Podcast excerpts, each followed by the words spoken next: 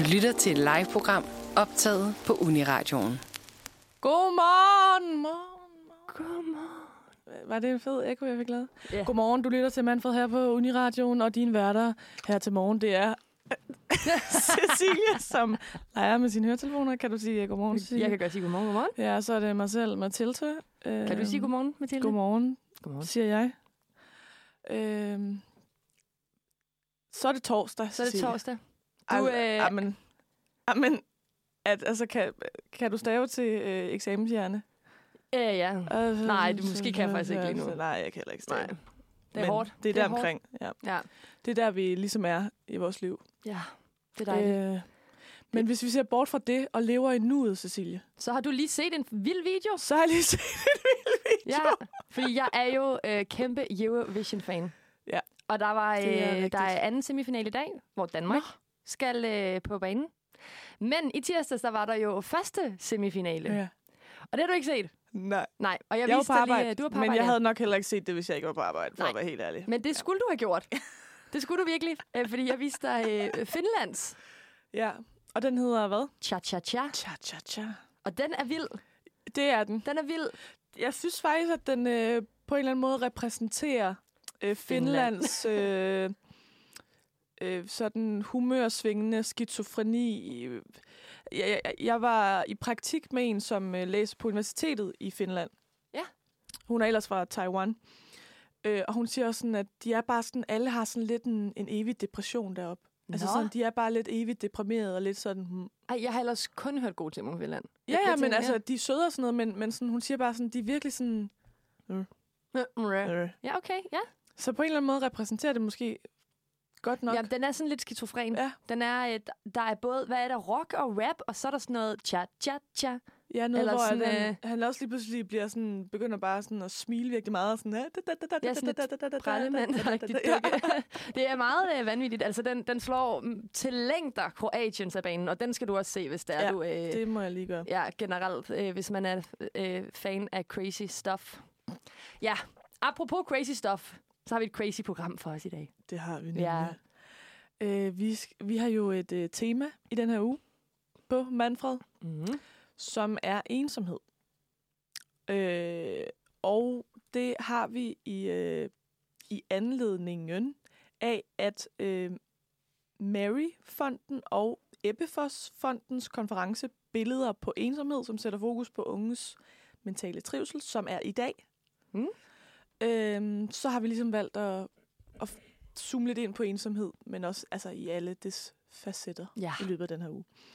Så det er blandt andet noget af det, som vores program i dag kommer til at bære, bære præg af. Og så skal vi jo noget, jeg har glædet mig rigtig meget til, Cecilie. Ja, for apropos ensomhed, så var jeg jo ensom i min øh, ungdom. det kan i hvert fald godt Hvem virke sådan. det? Hvem var ikke det? Ej, jeg var i hvert fald meget øh, emo, kan man nok godt sige. Ah, okay. ja, ja. Og det har øh, ledt ud i, at øh, jeg er blevet fanfiction-skribent Ja, i en alder af bare 13 år. Ah, men altså. Ja, så, øh, Så det skal vi jo dykke lidt ned i, og det glæder jeg mig rigtig meget til. dyk ned i uh, The Mind of Cecilie, 13 år, One Direction-fan. Ja, Mm-hmm. Ja så det, det, vi kan allerede spoil nu, at det, det kommer til at være noget One Direction. Det kommer nok. Ja, jeg har ikke skrevet andet. Så. Nej, Nej. Det, der findes ikke andet. Der findes ikke andet. Der gjorde det i hvert fald ikke for mig dengang. Nej. Altså sådan, det var mit liv. ja, så Ja, det skal vi lige så det skal vi øh, snakke lidt om. Ja. Øh, og så får vi jo en gæst i studiet i dag, som øh, er Oliver Nielsen, som er projektansvarlig på Mænds Mødesteder, som er et projekt, som er skabt af Forum for Mænds Sundhed. Fordi øh, ham skal vi nemlig have ind til at snakke om øh, mænds ensomhed, og hvorfor det er så vigtigt med det initiativ, de har taget med Mænds Mødesteder. Så det skal vi snakke lidt om. Og så skal vi jo også lige runde øh, de sidste to afsnit af Killjoy. Fordi De sidste det, ja, vi sendte jo ikke sidste uge, så vi er lidt bagud med at snakke om det. Så vi tager lige de to sidste lige en. I en hurtig bider. Ja, Ja. det gør vi. Og så skal vi også øh, forbi de lokale øh, opdateringer. De Lige om gode lidt. gamle. Lige om lidt. Men jeg kunne egentlig godt uh, tænke mig lige at høre, hvordan din morgen har været, Cecilie. Ja, jamen jeg har haft en dejlig morgen. Jeg, øh, øh, derhjemme hos os, der har vi et fjernsyn, der driller ret meget. Det hakker. Og det var problematisk i tirsdags, da jeg skulle sige Eurovision, må jeg nok sige. Altså på grund af at antennen, eller? Nej, fordi vi har ikke, øh, vi har bare, du ved, det der, hvor man kan ligesom, med apps. Og det, Uh. jeg var sådan, hvorfor gør det det? Og så i morges ville jeg gerne se De Sjældne Danskere, og så hakkede det helt vildt. Og så kommer der sådan, efter en halv times tid, hvor fjernsynet været tændt, kommer der sådan en boks op. Din lager, dit lagerplads er snart opbrugt. Fjern ting. Og så er jeg sådan, nå, det er det. Fint nok. Løst. Ja, så jeg Fik skal hjem og, øh, nogle ting? Nej, det nåede jeg så ikke. Mm. Mm. Men jeg skal hjem og have ryddet op i det til i aften, så jeg kan se semifinal 2 uden hakning. Oh yes. Ja. For det er på DR1, eller hvad? Det var det, ja. Ja. Og jeg har haft øh, et lille møde med en lille vause, Ja. en lille hunde. Hvad vil sige? Emma, Emma. er det ikke det? Jo, Ja. åbenbart øh, nede i gården. Vi kan kigge ud til en øh, lille gård inde i København. Ja.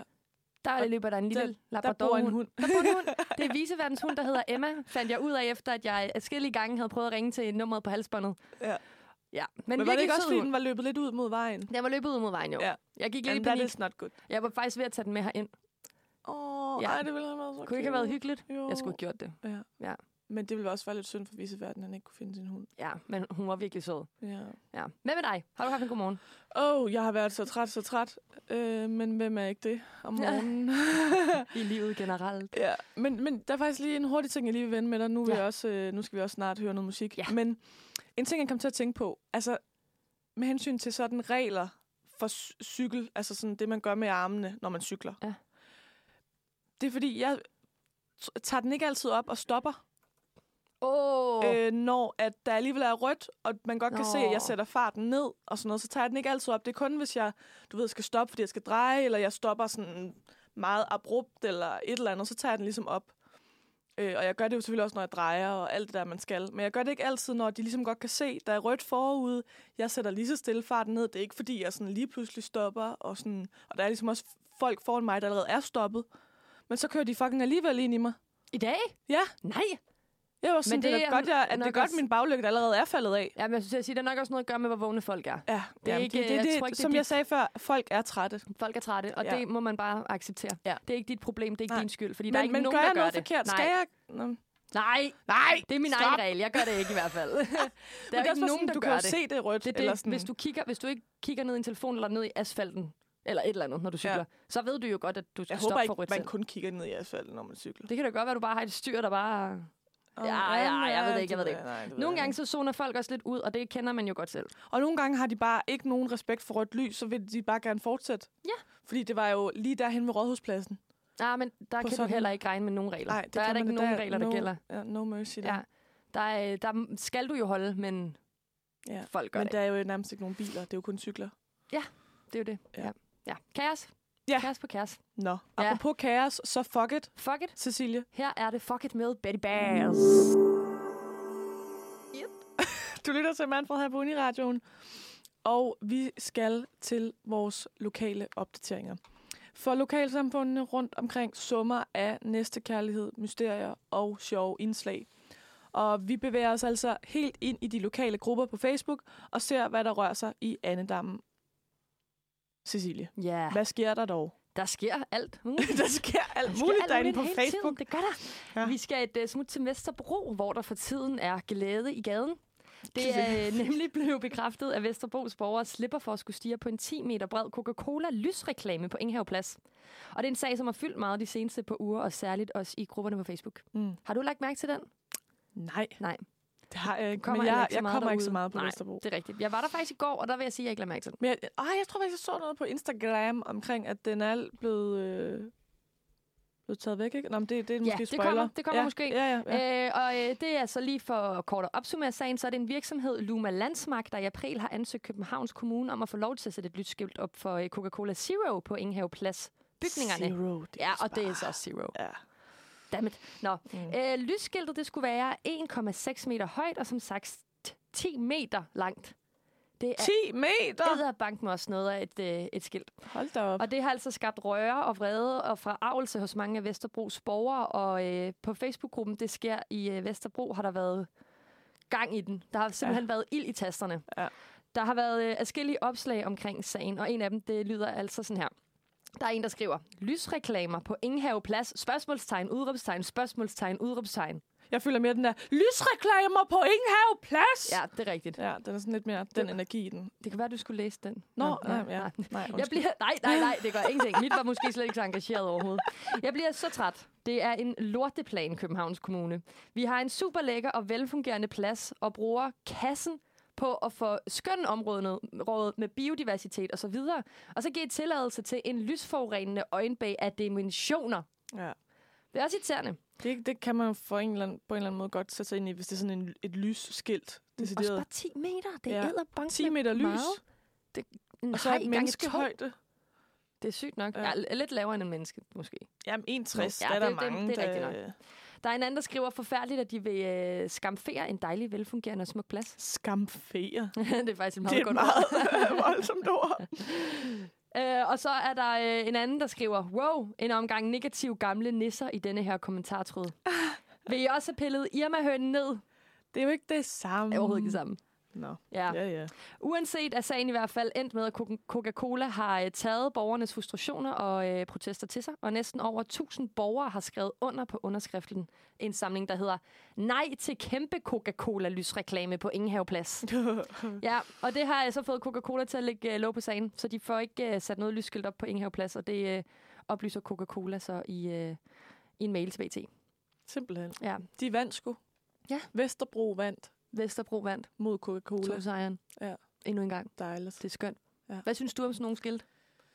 Øh, jamen altså, jeg kan egentlig godt forstå dem, tror jeg. Altså, jeg kan godt, øh, jeg kan godt lide det sådan i, øh, altså den måde, det er sådan ned over søerne og, og det der med de der lysskilte. Mm. Men sådan en fin plads som Vesterbro, altså Ingehaveplads, det kan jeg egentlig godt se, hvorfor, hvorfor skal den være der? Eller sådan, vi ved godt, at... Øh, Ja. jeg, er også bare sådan, jeg ved godt, Coca-Cola Zero findes. Men det er også mere sådan, hvor, hvor skulle den hænge på Ja, ja, ja, Ingehaveplads? eller hvor skulle præcis. stå? Og det er også bare sådan, så, altså, ja, fordi så, den skal jo ikke hænge på en bygning, for der er jo ikke bygninger, der har plads til, den kan hænge der, så vidt jeg kan huske. Nej, det er det. Så skal Det den skærme, vinduer. og så er der Ja. nogen, der bare skal have diskolys 24-7 ind i skærmen, fordi de bor der eller Ja, noget. præcis. Og det Det er ligesom aldrig sådan, ja, det er sådan lidt kunstigt i sådan en, ja. Ja, jeg kan sgu egentlig godt forstå dem. Men Ja. altså, jeg tror, på den måde er jeg ikke sådan en... Nogle gange vil jeg gerne ønske, at jeg var sådan lidt mere en, øh, en oprører. Sådan, ah, det kan fandme ikke passe.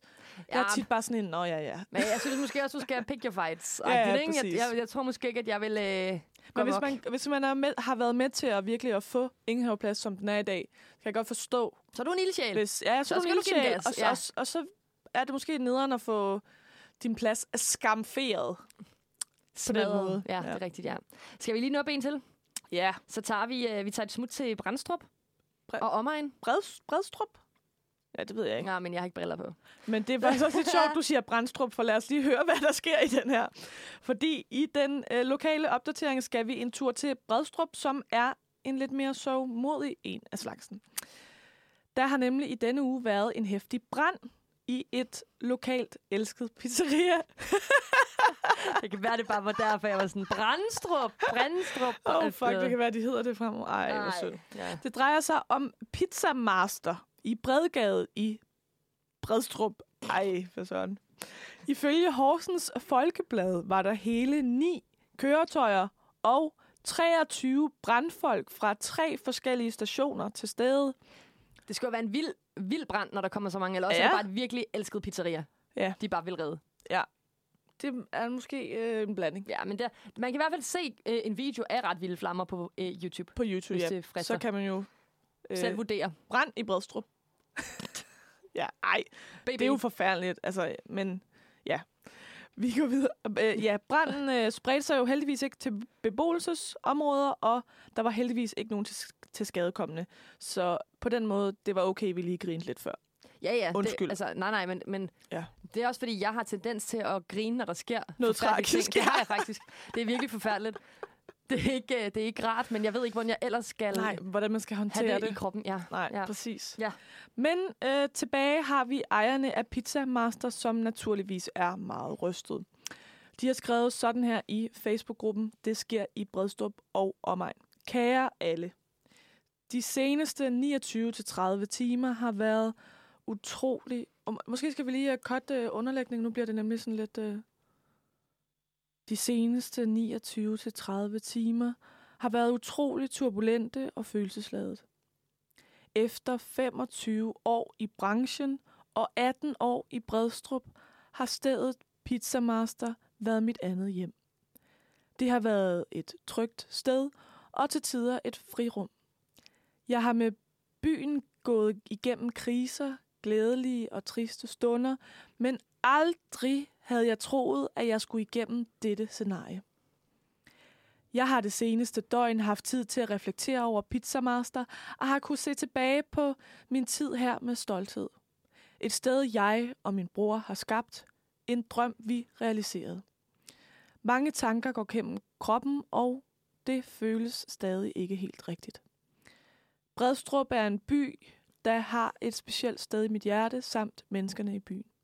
Jeg har altid troet på at hjælpe sin næste, og det håber jeg, at folk i byen har kunnet mærke, når de har besøgt Pizza Master i Bredstrup. Lige nu sørger vi stadig, både mig selv og mit personale. Trods alt var det ikke kun butikken, der stod i flammer. Det var 18 års blod, sved og tårer. Men vi kommer igennem det. Det gør vi altid.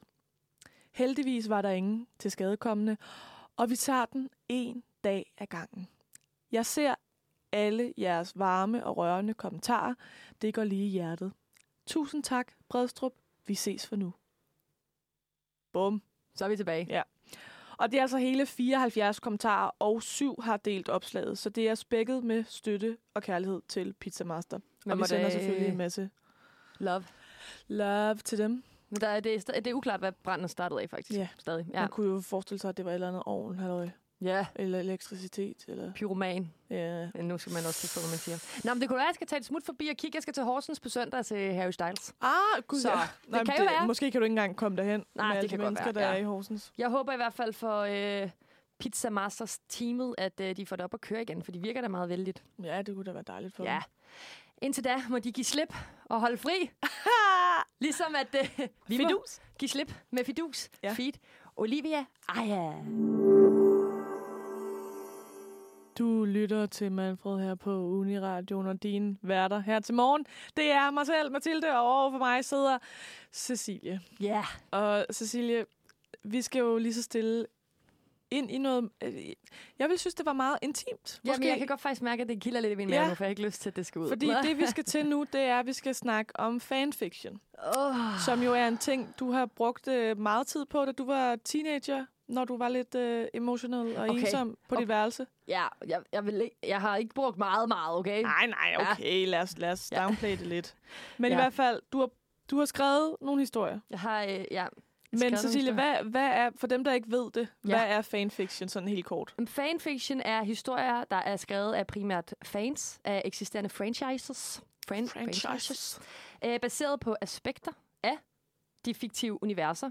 Herunder steder, personer og organisationer eller begivenheder.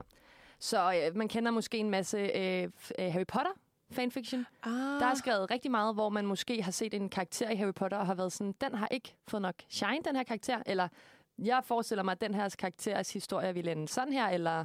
Og så skriver man videre. Mm. Og det der er rigtig mange, altså øh, J.K. Rowling elsker, at fans gør det, opfordrer faktisk fans til at gøre det. Og der er også nogen, der bliver sådan lidt, "Næh, min Ja. historie skal være sådan her. Ja. ja. Men øh, ja, man kender det i hvert fald, at, øh, at der, er- der er mange forums, øh, hvor at der bliver skrevet en masse om Harry Potter og Twilight og du ved, alle sådan nogle kæmpe fans ting, Ja. man kan brygge videre på. Men det du jo så har gjort, det er jo at tage bare nogle famous people. Altså ikke, Ja. ikke en historie, en, en verden, men, men en person eller personer. Ja, præcis. Jeg jeg har skrevet om One Direction. Ja, og det er også en kæmpe ting, at man skriver om nogen, man er fan af. Ja. Justin Bieber eller whatever. Ja, famous persons. Famous persons. Uh, ja, så jeg har, uh, jeg har skrevet en, en smule om One Direction, og jeg vil gerne lige sige, at ingen af dem, jeg har skrevet, er blevet færdige, mm. men jeg har skrevet dem. Og der er Du en af dem, der var rigtig mange, der læste med på. Men Eller- hvad, hvordan, altså sådan, hvad er det, er du på sådan en, hvor har du skrevet det henne? Jeg har skrevet det på en side, der hedder Movellas. Ja, Det er, jeg tror faktisk stadig, det bliver brugt. Jeg var lige inde og læse lidt omkring det til det her, øh, nu hvor vi skal snakke om det. Ja. Og det virker som om, at der stadig er en del, der deler en masse, både med One Direction og øh, altså sådan noget After, øh, Mm. mm. den der film. ja. Øh, Der det er blevet lidt mere... Øh, altså, da da jeg var herinde, var det bare meget sådan... kærlighed, eller sådan, folk elsker hinanden, eller det var ikke sådan noget seksuelt. Det er det lidt mere Det er det nu. lidt mere nu, ja. Ja. Erotiske, erotiske. Jamen, det er det, ja. historier. ja. Okay. Men der er meget forskelligt, og folk digter derinde, og du ved, der er konkurrencer og sådan noget. Så det er, Okay. okay. meget, det er et meget fedt sted, hvis det er, man kan lide at skrive. Mm. Så det hedder Movellas. Men jeg tænkte, fordi at jeg har et par stykker, Du har et par stykker så her. jeg liggende. tænker, at øh, du lige kan få en øh, overskrift. Ja. Og så kan du få lov til at vælge, Ej, hvor er det spændende. hvad du har lyst til at høre.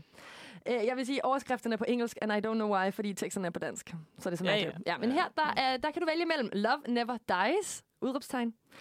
Maybe two is better than one. Så kan du vælge I know he won't be there. Eller du kan Mm. vælge This is love, love is easy. Eller The day we met, I fell in love. Uh. Ja, den er svær. Ja. Ja. Kan, du- kan du lige give, dem, give, dem, give mig dem igen? Love Never Dies. Ja. Det er den, der har haft flest læsninger. Love Never Dies lyder lidt som øh, James Bond. Ja, men jeg tror også, jeg har været inspireret. Også den her Maybe Two is better than one, det synger de også i en eller anden sang. Ah, okay. Ja, en eller nogen gør. Så har jeg I know, I know he won't be there. This is love. Love is easy. The day we met, I fell in love. Oh, I know he won't be there. Den synes jeg, vi skal tage. Okay, den handler faktisk om uh, Neil Horan. Okay. Og det er den eneste, jeg skrev om ham, fordi jeg var forelsket i Harry Styles. Så, ja, men spændende. hvem er ikke det? Øhm, Ja.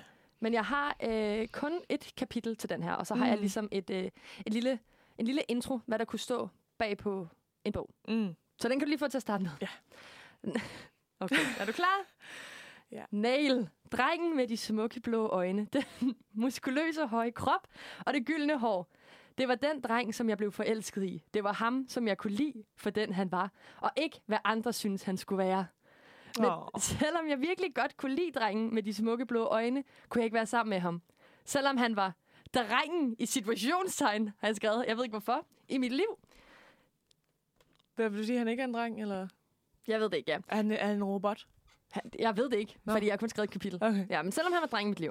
Jeg måtte ikke lukke ham ind, men alligevel dummede jeg mig. Jeg kvarede mig, og kan stadig ikke tilgive mig selv for det, jeg gjorde. Mm. Det var derfor, vi ikke skulle være sammen i starten. Jeg var grunden til, at han i dag går rundt med en stor sorg. Jeg er grunden til, at han ikke er den nail, han plejede at være. Ej. Ja. Jeg er grunden til det hele. Man kan godt høre, at jeg var lidt emo, ikke? Åh. Ja, men også, øh, du får lige vendt den der med, at det er ligesom er dig, der breaker his heart, ikke? Jo, jo, altså, ja. Niall, han, øh, han er bare så in love Han with, er, øh, ja, Cecilie. åbenbart. Grunden til, at han græder sig selv i søvne hver nat, og grunden til, at han holder sig inden dør. jeg vidste, at jeg ville svigte ham, men alligevel blev han min. Til gengæld var han oh. Det bedste, der skete i mit liv. Ja. Følg med i historien og se, hvorfor hovedpersonen svigter Nile.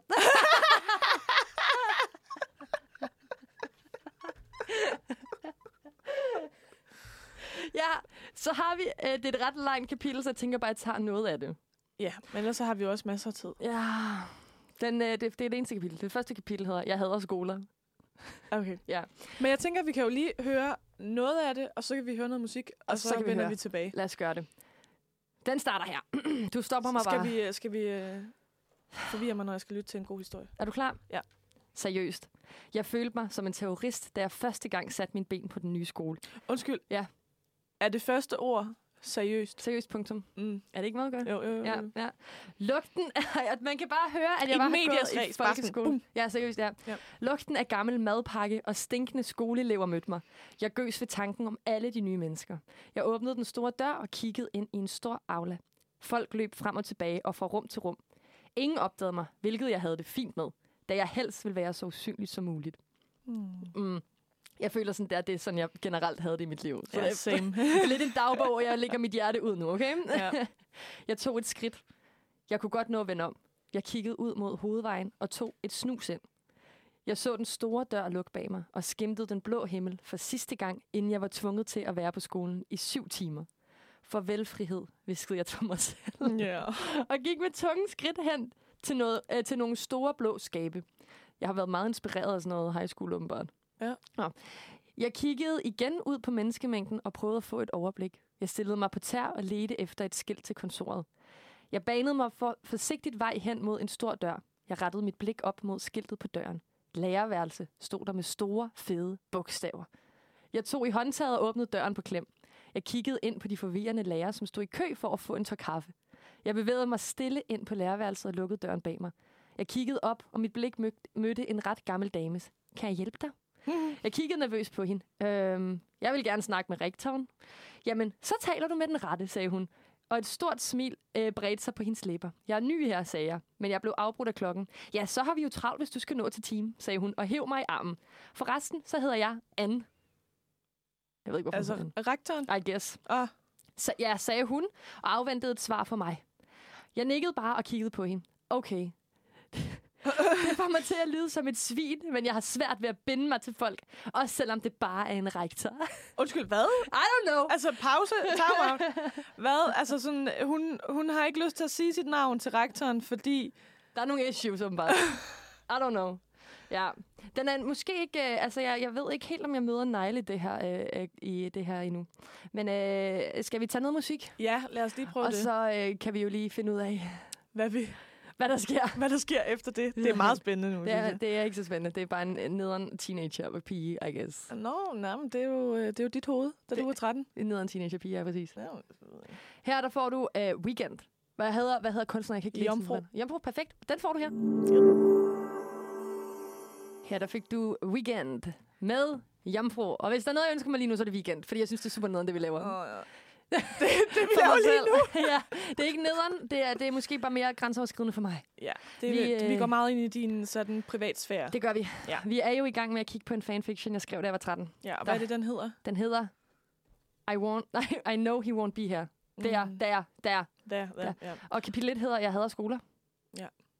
Og det er jo, øh, vi har jo lige øh, mødt hovedpersonen, som har mødt rektor. Ja. Øhm, Hovedpersonen har ikke noget navn endnu. Nej. Men rektor hedder Anne. så meget er vi med. Så langt, så godt. Og øh, er du klar til at take it away videre Ja, herfra, fordi Mathilde? det, det, vi tager fra, det er, at hun lige har præsenteret sig selv som Anne. Hun har lige præsenteret sig selv som Anne, skolerektoren, ja. Ja. Ja. Og så svarer øh, hovedpersonen, det får mig til at lyde som et svin, men jeg har svært ved at binde mig til folk, også selvom det bare er en rektor. Det er denne vej, sagde Anne, og pegede hen mod en dør, som var lavet af mørkt træ. Nummer 102. Jeg kiggede på hende, og hun smilede til mig. Ja, så går det løs. er du nervøs, sagde hun. Det føler jeg, der rimer lidt. Ja, det var øh, ja.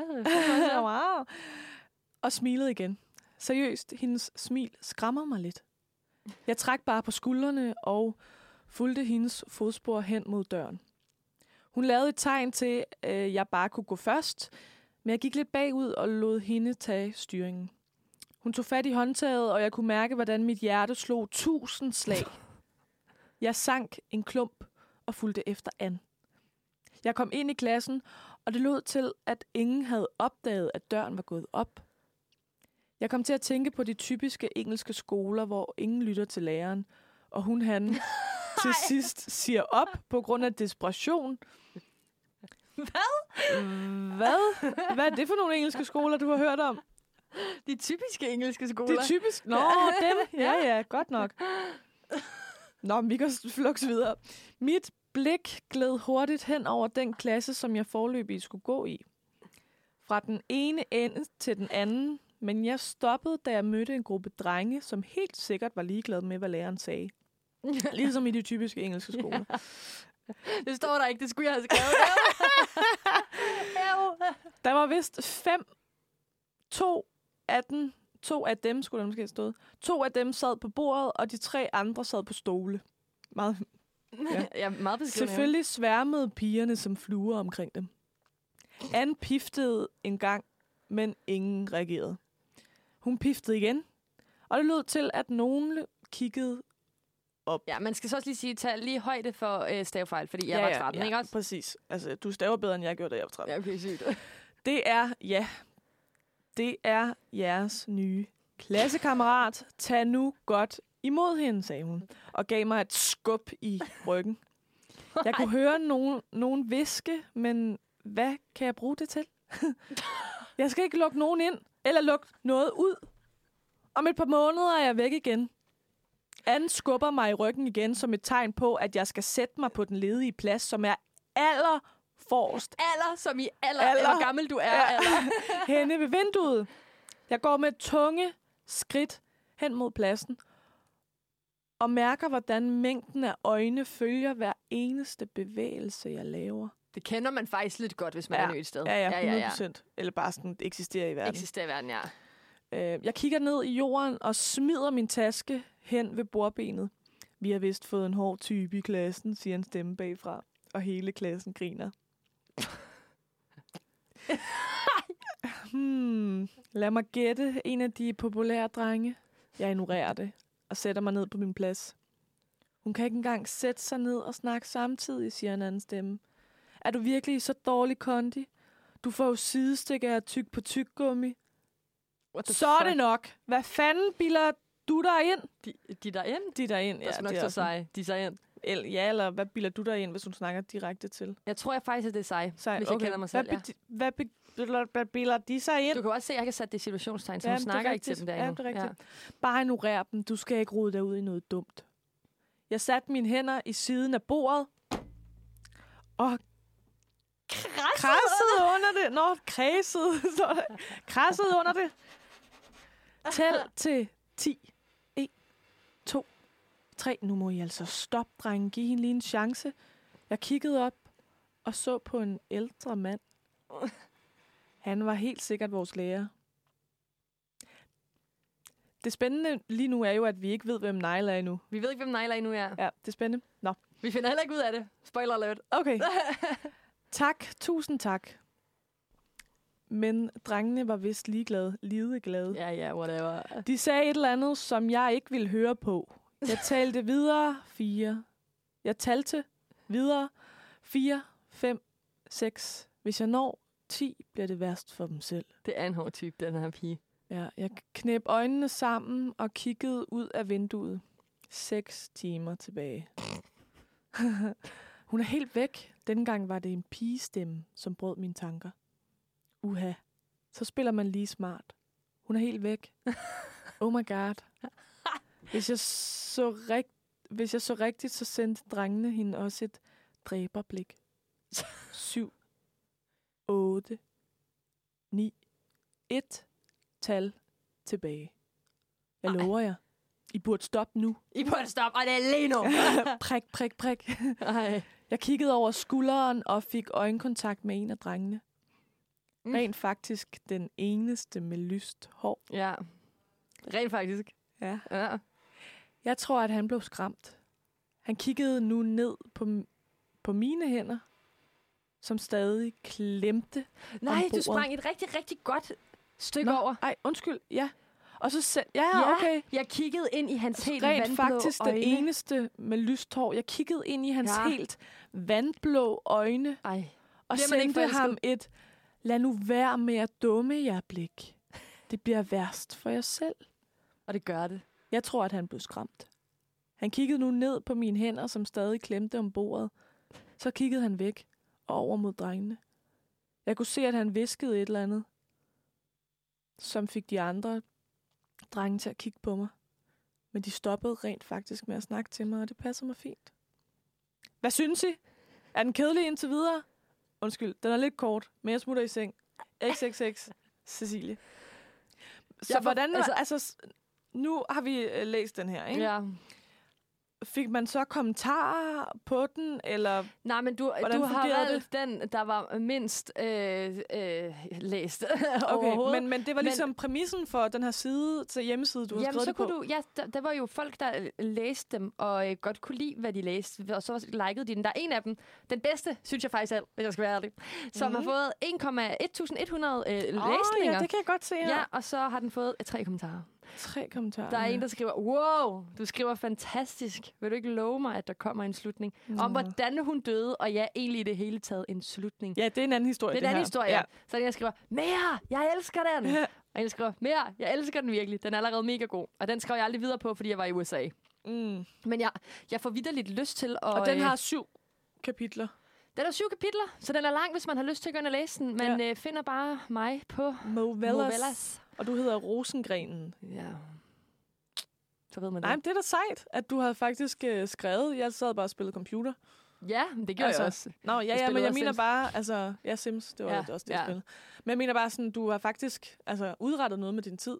Det er da nice. Ja, altså jeg tror bare, at øh, jeg synes, det var sjovt. Jeg synes stadig, det er sjovt at skrive, men jeg får helt lyst til sådan at fortsætte den. Jeg kan godt lide at være sådan, hvad skal der ske mellem dem? Men hvad gjorde det egentlig for dig sådan at være inde i den der verden? Altså sådan...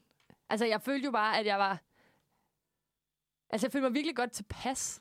Ja. Også fordi, at det var ikke noget, man gik rundt og sagde til folk. Det var At- ikke at sådan der, det? ja, det var ikke fordi, jeg drøftede det med mine veninder eller venner i skolen. Nej. Men der var nogen, der havde en blog, for eksempel. Kan du huske det? Hvor ja, man sådan ja. havde en blog og skrev, nu har jeg købt det her tøj. Ja. Og så er der ligesom nogen, der lavede fanfiction. Ja. Eller skrev noget andet. Og jeg tror altid bare, jeg har syntes, det var mega fedt at udfolde mig kreativt med tekst. Og så er jeg sådan, det er da en sjov måde at gøre det på. Også fordi jeg er anonym, så det er ikke, øh, altså sådan, det er gratis, så jeg kan bare få lov til at skrive, hvad jeg vil, og folk kan læse det eller lade være. Ja, præcis. Hvad, hvad, hvad gør det så, at øh, den her historie, hvor der var nogen, der havde øh, kommenteret på den, og du ligesom kan se, hvor mange, der, der læser det, og... Det har jo så ikke gjort, at jeg færdiggjorde den. Nej, nej, det har du så ikke. Men du, du har alligevel skrevet syv kapitler. ja, ja, ja. Ej, jeg tror også bare, jeg synes, det var virkelig sjovt. Jeg, jeg så det nok egentlig som en hobby. Ja. Men det gjorde ikke noget for dig, det der med, at folk faktisk læste. Det var, var, var det mere for, at du fik noget ud, du skrev noget? Ja. Eller var det også fedt, det der med at få noget tilbage fra de andre? Jeg synes, at det var meget fedt, men øh, det var ikke det, der gjorde det. Eller Nej. sådan, det var ikke derfor, jeg sådan keep, kept it going. Jeg tror Ja. bare, jeg havde så mange idéer om ting, eller sådan historier, hvor jeg var sådan, jeg blev nødt til at skrive det ned, for jeg kan ikke have det i mit hoved 24-7, eller sådan. Ja. Jeg var bare forelsket i One Direction, det Ja. kender øh, alle I alle mennesker nok. Ja, ej, Ja. mest i Harry Styles. Mest ja, så. Of course. Ja. ja. Så det var lige øh, et lille stykke med fanfiction. Et lille indblik ind i uh, Cecilias krøllet ja. hjerne. hjerne. Ja, Det er dejligt. Tak for, at du vil lukke os ind. selv tak. Det var så lidt. Og alt det andet. Nu Nu skal vi til nogle andre. Nu skal vi til Ja, nogle nu skal vi snakke letters. helt andet. Vi skal til nogle andre letters, Uh, ja. end dem, jeg har skrevet. Let us. Vi skal til Four Letters med Jukaya. Du lytter til Manfred her på Unirationen. Og vi var blevet, vi har taget vores, øh, vi snakkede jo om, om her i musikken. Det vi skal snakke om nu, det er derfor, Ja. vi blev så betaget af det. Ja, det var netop det. Ja. Fordi i den her uge har vi jo på Manfred temaet ensomhed. Og det har vi i forbindelse med Maryfonden og Ebbefoss-fondens konference Billeder på ensomhed, som sætter fokus på unges mentale trivsel. Og det er i dag, at den konference finder sted. Men hvorfor er det vigtigt at sætte fokus på ensomhed? Fra et økonomisk og menneskeligt perspektiv koster det staten cirka 8 milliarder om året, når befolkningen er ensom. What? Hvordan det? Ja. For det er nemlig sygemeldinger, der æder de her penge her. Øh, det har jeg fra rapporten Sygdomsbyrden i Danmark, risikofaktorer, som Sundhedsstyrelsen lavede tilbage i 2016. Fordi ensomhed slider øh, på den enkelte, men også på samfundet. Når en person er ensom, fører det nemlig oftest til depression, stress og søvnmangel. Og alt det er med til at slide på kroppen, og man får problemer såsom hjertekarsygdomme, stofskiftelidelser og forhøjet blodtryk. Ah, sygt. Ja. Og det, Sundhedsstyrelsen har altså gjort op, og det er fra den samme rapport fra 2016, at ensomhed er med til at forårsage 770 for tidlige dødsfald årligt i Danmark. Men er det ikke også noget med, og nu skal jeg ikke bare lige øh, kaste ting ud og facts ud, der ikke er rigtige, men er det ikke mere øh, farligt eller skadeligt for dit, din krop at være ensom, end det er at ryge? Eller er det bare noget, jeg har læst? Øh, det, har, det har jeg faktisk ikke lige fundet evidens Nej, for. så glem, at jeg Men- sagde men- det. men øh, altså, men det er i hvert fald skadeligt. Det er i hvert fald Ja, skadeligt. det er i hvert fald- ting. Meget mere skadeligt, end man lige regner med Ja. der. Øh, og der var også en, øh, en fun fact, du fandt her den anden dag. Ja? Øh, den der med, hvor mange kram, der er optimalt, eller antal om dagen. Ja. Øh, hvor du havde fundet noget med, at psykoterapeut øh, Virginia Satir er kendt for at sige, at vi behøver 4 gram om dagen for at overleve. Vi behøver 8 gram om dagen for vedligeholdelse. Og vi behøver 12 gram for at udvikle os. Ja. 12 gram. Det er meget, var. Jeg har sgu ikke 12 gram om dagen. Jeg har ikke 12 gram om måneden. Øh, Altså, Nej, hvis man... Krammer du ikke din kæreste? Altså? nej. Nej, I krammer ikke. Nej. Ej jo. Vi rører aldrig ved Vi, hinanden. altså, vi sidder vi bare... bor sammen, ja, ja, rører Nej. ved hinanden. Øh, ja, okay, det er jo. Men, men, det, det, men det er bare vildt. Det er et vildt perspektiv, fordi hvor mange får 4 gram om dagen? Ja, Bare for at overleve? Eller sådan, hvis man sætter det op sådan, ikke? ja præcis. Det er vildt. Det tror jeg ikke, der er særlig mange mennesker, der gør. Nej. Og så 12. For at udvikle dig, videreudvikle dig. Ja, Ja, det er helt vildt. det med mig meget, var. Ja. Ja, men altså, ensomhed er jo et meget øh, abstrakt begreb, og ligesom en følelse. For hvornår er man ligesom ægte ensom, eller hvornår er man bare sådan, jeg føler mig lidt alene. Altså, hvor, hvornår er man ligesom derude, hvor det påvirker en. Øh, og man har prøvet ligesom at måle ensomhed hos befolkningen flere gange, øh, men, men det er som sådan nogle statistikker omkring det, men det estimeres også, at der er et stort mørketal, øh, da øh, ensomhed er ret tabubelagt Ja. og øh, stigmatiseret, og især hos mænd. Så mennesker, som reelt er ensomme, vil måske ikke engang svare på de her spørgeskemaer, eller deltage i undersøgelser eller noget, fordi de bare sådan er meget inde i deres egen boble. øhm, så, men der er ligesom lavet sådan et, et måleredskab for at ligesom måle, hvor ensom en person er. Vildt. Ja. Øh, og det er det internationale måleredskab UCLA, som står som er sådan en loneliness scale. Øh, og det udgør den mest anvendte metode for at måle ensomhed, og den øh, vurderes til at være bedst egnet. Og den sætter fokus på følelser, og ikke lige så konkret på ensomhed som begreb, men mere sådan, hvordan føler du i de her momenter i dit liv. Eller Mm. sådan.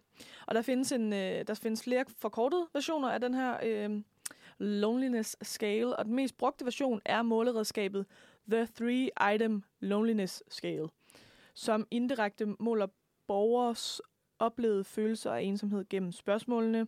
Hvor ofte føler du dig isoleret fra andre? Hvor ofte savner du nogen at være sammen med? Hvor ofte føler du dig udenfor? Og som jeg kunne læse mig frem til, så er det en eller anden mærkelig skala, som går fra 3 til 9, og jeg forstår det ikke helt. Nå, Men jeg tænker, man, man, man putter den ligesom på en skala. Ja. Øh, så hvis det var den der skala fra 3 til 9, hvilket ikke giver nogen mening op i mit hoved, øh, så det er over 7, så ved man ligesom, okay, det, det er du er svært ensom. Altså det kan påvirke dit liv. Ja. Eller, sådan- altså sådan, det er skadeligt for dig. ja, præcis. Vildt. Det er også bare Øhm, fordi, det er sjovt det der med sådan... Jeg tror, alle mennesker på et eller andet tidspunkt i deres liv har følt sig ensomme. Mm. Men hvornår er man det i en grad, sådan så at... Det, fordi nu kan jeg også kun snakke på mit eget synspunkt. Jeg ved ligesom, at så har jeg haft noget FOMO, fordi jeg ikke har været inviteret med til ting. Og så har jeg også været sådan, er det så ensomhed, eller er det fordi, jeg føler mig udenfor? Eller sådan, det, det er også nogle hårde, fine grænser, Mm. der er imellem. Jeg tror også, det er vigtigt, at man ikke negligerer, at det godt kan være det samme. Mm. Eller du også kan være ensom i andre menneskers selskab. Eller sådan, Mm. der er mange... Ja, ja, at ensomhed nødvendigvis ikke handler om, at du ikke er sammen med mennesker. ja Men det også handler om, hvordan du er sammen med mennesker. præcis. Ja. Altså sådan, fordi det, det er bare så abstrakt, og så... Altså, man kan ikke tage at føle på det på samme måde. Altså sådan, som man kan sådan, har du en hjertekarsygdom? Eller, ja, ja, det er det. Altså sådan, det... Og det er vel også meget individuelt, hvornår at Mm, en der given jo, person føler sig ensom. ja, for der er jo nogen, der bare har det godt i sit eget selskab. Præcis, det er det. Og jeg tror også, det må også have noget at gøre med, det ved jeg så ikke, det har jeg ikke læst nogen sted, jeg har ikke noget evidens for det, jeg siger nu. Øh, men jeg tror også, det har noget at gøre med, om man er et introvert menneske, eller man er et ekstrovert menneske. For hvis man er den person, der får energi af at være sammen med andre, og så man så ikke er det, Ja. så kan jeg jo godt se, at Helt sikkert. så bliver man måske hurtigere ensom end en introvert person, som også godt nyder at være i sit eget selskab, og det er der, man lader op og være alene. Det er det. Men det er også det, man kan jo også være ensom, fordi man ikke har nogen at spejle sig i. Mm. Altså nu har jeg nogle ting med øh, i min familie, hvor jeg sådan, der har jeg måske følt mig meget ensom, indtil, man kom i, til at komme i sådan en gruppe, hvor der var andre på min egen alder, der ligner mig selv, hvor jeg var sådan, what? Det er en helt Mm. ny verden for mig, men fordi man ikke snakker om det, eller sådan, så, så bliver det sådan helt nyt, og at, at man måske ikke behøver at være så ensom i det, man føler sig ensom i. Mm. Det tror jeg også er meget vigtigt.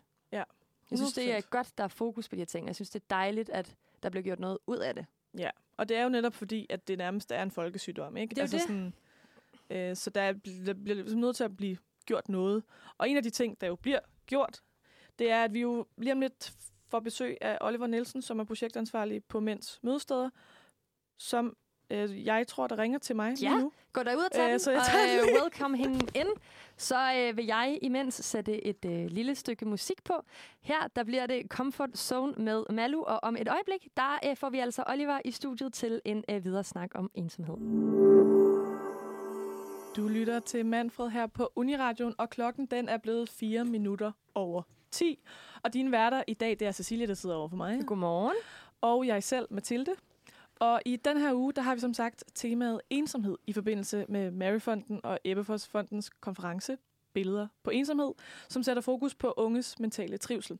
Og i den forbindelse vil vi nu zoome ind på mænd og ensomhed. Og til det har vi fået besøg af Oliver Nielsen, som er projektansvarlig på Mænds Mødesteder, som er et projekt, som er skabt af Forum for Mænds Sundhed. Velkommen, Oliver. Ja, tusind tak. Der er lige en hel smør, jeg skulle igennem. Øh, tak for, at du vil være med os i dag. Ja, selv tak. Øhm, jeg synes lige, vi skal starte med sådan, hvad er mænds mødesteder? Det er fællesskaber for mænd. Øh, for alle mænd over 18 år øh, er sådan set velkommen. Øh, det er små selvstændige enheder, så de er selvorganiserede. De bestemmer selv, hvordan de øh, vil strukturere deres øh, aktiviteter og sådan. Men mænd mødes omkring en eller anden aktivitet øh, og et fællesskab laver noget sammen, og deraf øh, så øh, affødes der ligesom en stemning, hvor man kan snakke om ting, og, og et fortroligt rum. Mm. Og hvordan opstod øh, den her idé til det her tiltag? Det opstod med inspiration fra det, der hedder Men's Sheds, som er øh, mænds skure direkte oversat. Det lyder ikke så, så fint øh, på dansk, men, men det er faktisk en stor international organisation, hvor at der er over 1600 forskellige enheder. Øh, det er spredt over primært de øh, engelsktalende lande. Øh, vi har også i Norge og i Sverige. Men egentlig, hvor at mænd de mødes omkring en eller anden, det her er altså sådan en mere øh, håndværkspræget, nogle håndværksmæssige aktiviteter, så de står og drejer træ, eller de står og drejer metal, eller eller andet, banker noget sammen. Ja. ja.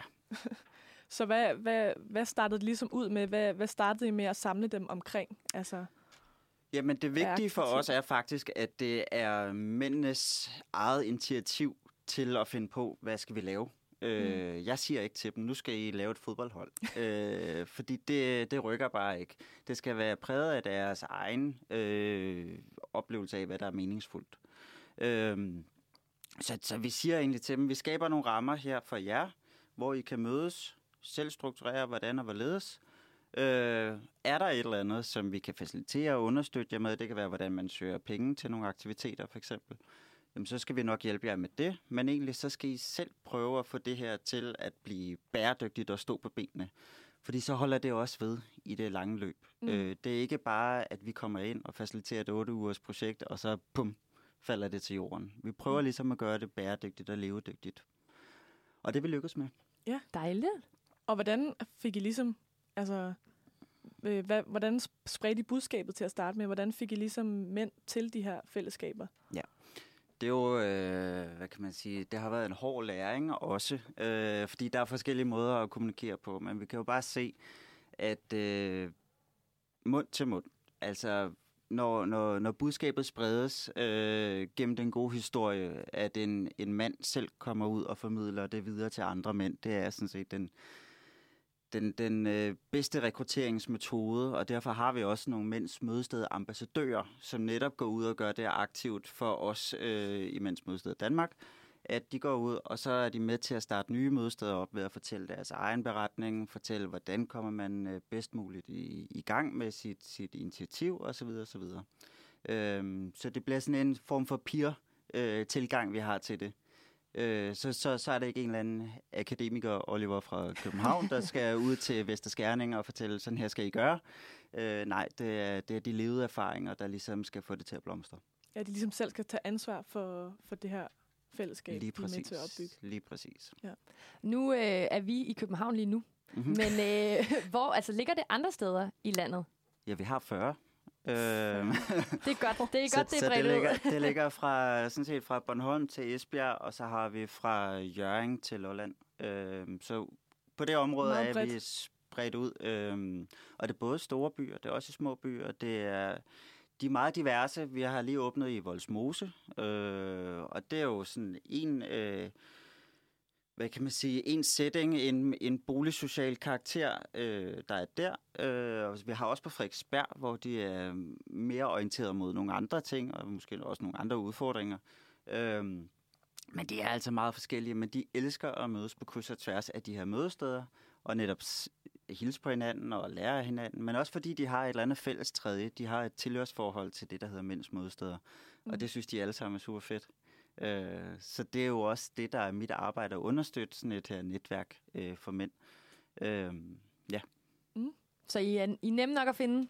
I er derude, I skulle være ret nemme at finde. Ja, ja dejligt. Ja, ja, ja. Det er sjovt, du siger det der med, at det er nogle forskellige øhm, karakterer eller typer, alt afhængig af hvilken by mm. man befinder sig i. Fordi jeg snakkede med min kæreste om det i går, øhm, i forhold til sådan noget med ensomhed. Øh, og han var meget sådan, jeg synes faktisk, det kunne være spændende at vide, om vil jeg kunne passe ind sådan et sted? Eller sådan, at, fordi han var sådan, jeg ved ikke rigtigt, om jeg vil tur at gøre det, for jeg ved ikke, hvilken typer der kommer. Ja.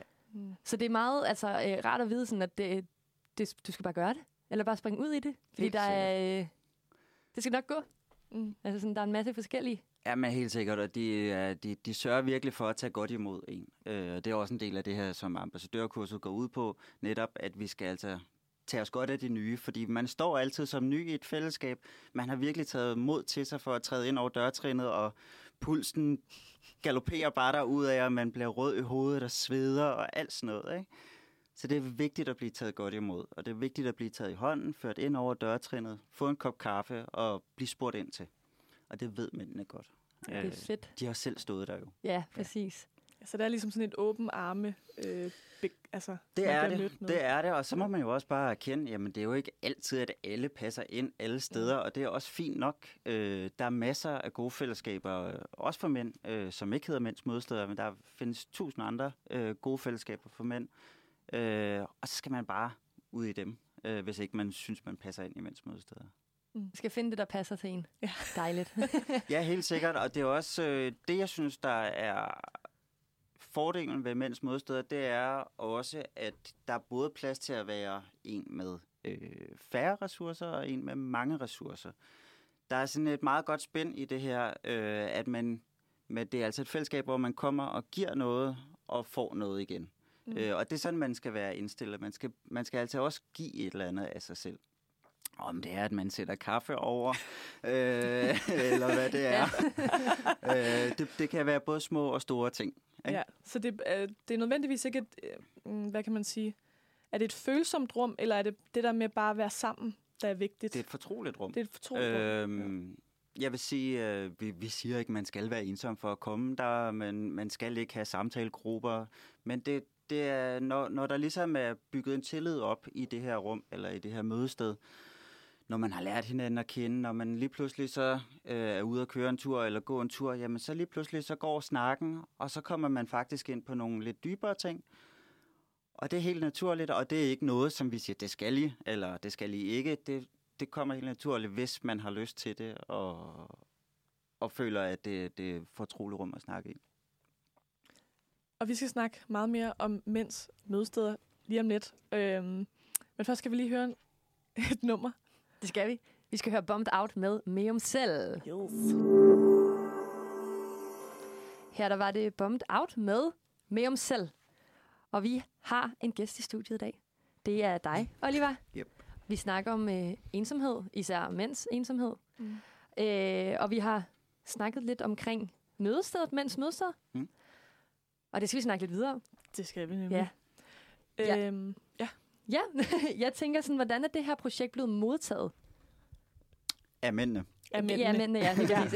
Ikke af generelt af regeringen, eller... nej, nej, nej. Ja, af mændene. Jamen, det er jo utrolig glade. Altså, øh, der er altid forbundet sådan en vis skepsis. Øh, er det nu nogen, der kommer og tror, at de skal redde mig fra et eller andet, Ja. ja. eller hvad nu er det for noget, og hvad ved jeg, ikke?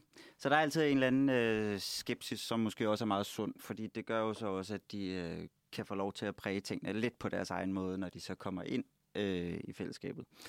Øh, men ellers så finder de det jo som et meningsfuldt sted, hvor de jo netop kan lave et eller andet sammen med andre, og et sted, hvor de hører til. Øh, og de kommer jo på grund af aktiviteterne, på grund af samværet. Øh, så de tager jo rigtig godt imod det. Og som jeg også sagde øh, tidligere, det var måske det ikke alle, der, øh, der føler, at de passer ind. Der er måske også nogen, der har brug for nogle lidt mere faste rammer. Øh, og det er fint nok. Øh, dem hjælper vi også gerne videre. Øh, vi kender jo tilbudene rundt omkring. Øh, men ellers så, så, så bliver det taget rigtig, rigtig, rigtig, rigtig godt imod, og det kan vi jo også godt mærke, at der er jo stigende interesse for det.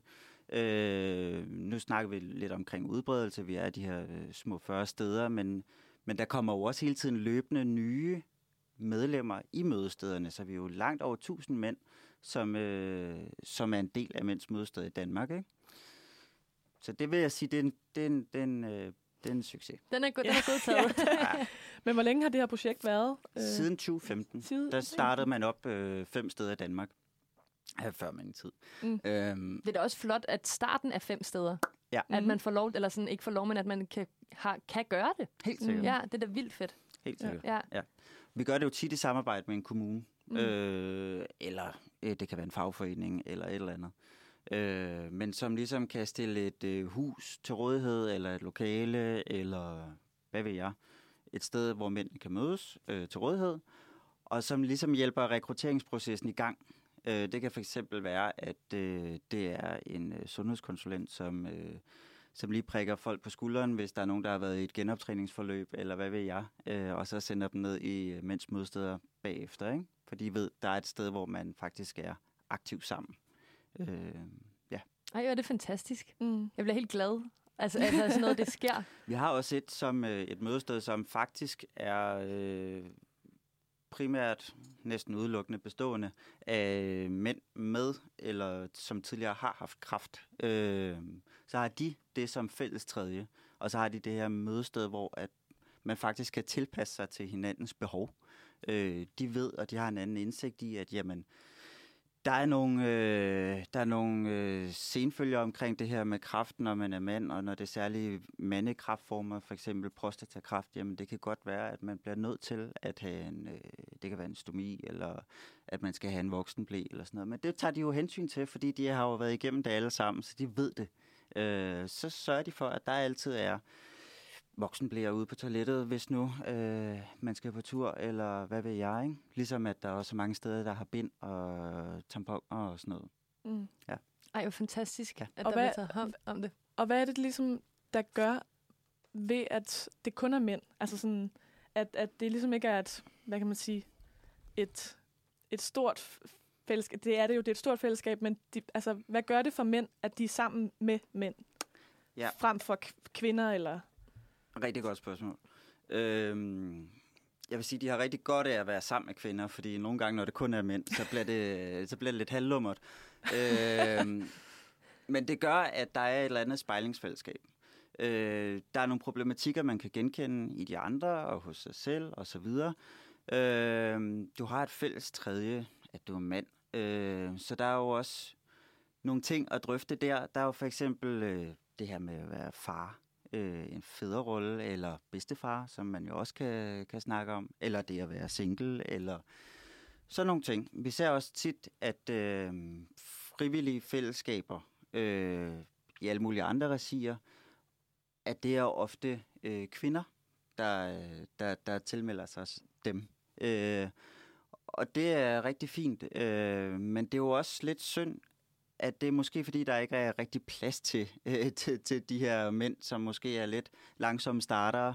Øh, og så stille og roligt, så trækker de sig, fordi de kan ikke rigtig komme på banen. Og det, de har lyst til at snakke om, er måske ikke lige det samme, som kvinderne har lyst til at snakke om. Og det er helt fint. Ja, for det er jo også lidt det der med, at, at der, grunden til, at der er så stor ensomhed hos mænd, er jo også fordi, at kvinder er jo bare mere vant til at snakke om, om ting nødvendigvis. De altså, er, øh, altså de, statistisk set er de bare bedre til at pleje deres relationer. Mm. Øh, øh, og, og det er super ærgerligt, men vi ser jo, at hver femte mand, mand mellem 25 og 39 år, han har ingen at tale fortroligt med. Mm. Øh, ingen eller næsten ingen. Det er virkelig mange. ja. Det er enormt mange. Ja. Øh, og det har noget at gøre med, at de der relationer, jamen, de bliver tit hængt op på arbejdspladsen. At det er der, hvor man har sine venner, eller sine øh, arbejdskammerater, eller hvad film man kender, øh, kalder dem, ikke? Men når man så for eksempel skifter arbejde, eller hvis man øh, går fra arbejde til pension, jamen så i det der skift, så følger vennerne ikke rigtig med. Og hov, så sidder man lige pludselig derhjemme alene, eller på et nyt arbejde, og så tænker hvor fanden blev de af? Hvor blev vennerne af? Mm. Øh, hvor blev dem, der jeg kan tale med af? Og så er det, at man ser alle de her sundhedsmæssige konsekvenser af at føle sig alene, øh, at være uønsket alene. Jeg tænker sådan, øh, hvad er jeres største udfordringer i møder? Nu siger du øh, for eksempel, at I tit øh, sådan, i, i samarbejde med kommuner finder lokaler, mm. Mm. men har I oplevet, at der måske har været pladsmangel, eller øh, altså, hvad, hvad er den største udfordring, I oplever? Det er faktisk lokaler, der er den største udfordring. Øhm, det, er, øh, det, er jo, det er jo aldrig gratis. Øh, så, så kommunen skal jo selvfølgelig vise en eller anden velvilje til at øh, sige, her kan I være. Men øh, hvis man også skal prøve at sørge for, at alle skal kunne være med i sådan nogle her fællesskaber, så skal man ikke sætte et kontingent for højt. Og kontingentet skal jo bruges til at betale huslejen, men hvis huslejen den er mange, mange, mange tusind kroner om året, jamen så hænger det jo ikke rigtig sammen længere. Så det er helt klart, altså lokaler er den største udfordring. Det er jo også det, der er det vigtigste for at få et tilhørsforhold til et sted. Man kan hænge plakater op, det giver lidt ejerskab. Her er mænds mødested, og her er vores ugeskema og sådan nogle ting. Altså, det giver bare noget ekstra til et fællesskab. Ligesom at et øh, fodboldhold har et klubhus, øh, så har mænds mødesteder et lokale. Øh, ja, så det er den største udfordring, helt sikkert. Ja. Øh, vi snakkede om øh, under musik, og nu nævnte du også lige selv, at øh, I også har fædre øh, og så videre øh, hos mænds mødesteder. Men I laver jo også andet end, øh, ikke bare, men, men end at have de her lokaler. Mm. Kan du ikke øh, prøve at forklare lidt omkring det i forhold til med mænd og barsel? Jo, du tænker på øh, vores andre projekter Lige i Forum præcis, for ja. Mænds Sundhed. Ja, ja lige præcis. Jeg skal jo det ikke kloge, lidt jeg, øh, ja, helt sikkert. kluntet øh, formuleret, men du forstod det. Nu skal jeg ikke kloge mig for meget på det. Øh, men, men vi har jo et projekt, der hedder Far for Livet, som ligesom er afstedkommet Far på Barsel, hvor vi har lavet en barselsguide i forbindelse med øh, fædrebarselen, der ligesom indtraf øh, i august øh, 2022. Øh, som er et af vores projekter. Vi har Fars Legestue, som er sådan en tumlestue for fædre på barsel. Øh, vi har hvad har vi? Vi har et projekt om, øh, om mænd og fødselsdepression, mens det er faktisk mellem 8 og 10 procent øh, af alle fædre, som får en fødselsdepression. Øh, der har vi en hjemmeside omkring, øh, som man kan gå ind og kigge på, hvis man er interesseret. Øh, vi har et øh, projekt omkring bedre mental sundhed på arbejdspladsen i forbindelse eller i samarbejde med Dansk Metal. Så er det sådan nogle der ting, Mm. som vi i Forum for Mænds Sundhed går ind, når det handler om ulighed i sundhed, kønnet ulighed i sundhed, så går vi ind og prøver at belyse øh, nogle problematikker. Ja, for det er jo også meget i det der sådan mor-far-forhold, at der hurtigt kan komme en ulighed. Fordi at der er jo mødregrupper, og det er ligesom kvindens krop, der ligesom kommer i fokus meget i starten, Helt klart. hvor at mænd måske også bliver sat lidt ud i kulden Ja. på den måde. Ja, og med rette kan man sige, Mm. mm. øh, fordi det vigtigste er jo at få amninger op at køre, eller, eller morens krop til at hele, og, og morens øh, psykiske velbefindende til at, øh, at komme tilbage på sporet. Øh, det er noget af en omvæltning. Mm. Øh, men der kan jo selvfølgelig også ske nogle ting hos faren, øh, og det er også vigtigt, og derfor så har vi jo også lavet sådan et postkort, som øh, sundhedsplejersker giver ved, øh, ved besøg, hvor der står til far, så kan far få det, og så står der ligesom nogle ting, han skal være opmærksom på. Han kan gå ind på en hjemmeside og læse lidt mere om, øh, hvad er det, der sker. øh, og, og på den måde blive involveret i, i hele det, det her nye liv, øh, som, som han jo har været med til at skabe for, Ja, præcis. for sin kone og ham selv. Så det er måske også lidt det der, du snakker om før, de der tumle-steder, Mm. øh, Fars lejestue. fars legestue, at, at det måske også er lidt mødergruppe, øh, fædregruppe, altså sådan, hvor man ligesom også kan mødes og snakke om, hvordan er det at være far, Lige præcis. og hvad for nogle udfordringer ligger der i det. Lige præcis. Og det er jo også bare det, vi anbefaler. Altså, tag ned og besøg det. Man kan gå ind på Fars Lejestue og så se, hvor de ligger rundt omkring landet. Og der er masser øh, i alle byer. Øh, og det er et rigtig godt sted, et lille sparringsforum, hvor man også kan sige, Nå, øh, gør jeres baby også sådan her, eller skal den se sådan ud, eller den der afføring, er den ikke lidt sjov? Øh, sådan nogle ting. Øh, det er rigtig, rigtig godt. Øhm, ja, og vi er jo lidt ved at nå vejs ende, men øhm, før vi gør det, så altså, hvis man vil være en del af mænds mødesteder, Mm-hmm. øh, så går man ind på jeres øh, hjemmeside, Den hedder mmdanmark.dk. mmdanmark.dk. Yes. Og hvad hvis man finder ud af, at der ikke er sådan et øh, sted i ens by? Så er der også sådan en øh, kontaktformular, hvor man kan komme i kontakt med mig. Øh, og så skriver man bare til mig. Øh, jeg hedder Oliver. Øh, så skriver man, hej Oliver, der mangler et mænds mødested i min by. Jeg vil rigtig gerne være med til at starte det op. Eller kan du fortælle mig, om der er noget i nærheden, eller noget på vej, måske? Mm. Så skal jeg nok svare. Ja. Og ellers så kan jeg også godt henvise til andre gode tilbud. Perfekt. Fantastisk. Så der er hjælp at hente, og fællesskaber at blive en del af, hvis man bare opsøger det. Tusind tak, fordi du havde øh, tid og lyst til at komme forbi, Oliver. Det var Selv tak. spændende. Ja, Nu hopper vi videre til et uh, nummer. Det er Moonbee Sunshine Roams. Ah, Cecilie, Mathilde, vi har jo lige haft en dejlig gæst i studiet, så sød og rar. øh, og snakket en hel, en hel masse om øh, mænds mødesteder, Ja. og bare mænds øh, fæl, m- hvad kan man sige, mandefællesskaber. Øh, in total. Og nu skal vi faktisk, altså nu skifter vi helt spor. øh, vi smider ensomhed ud af vinduet. og så snakker vi om orgasmer. ja, det er det, vi skal snakke om nu.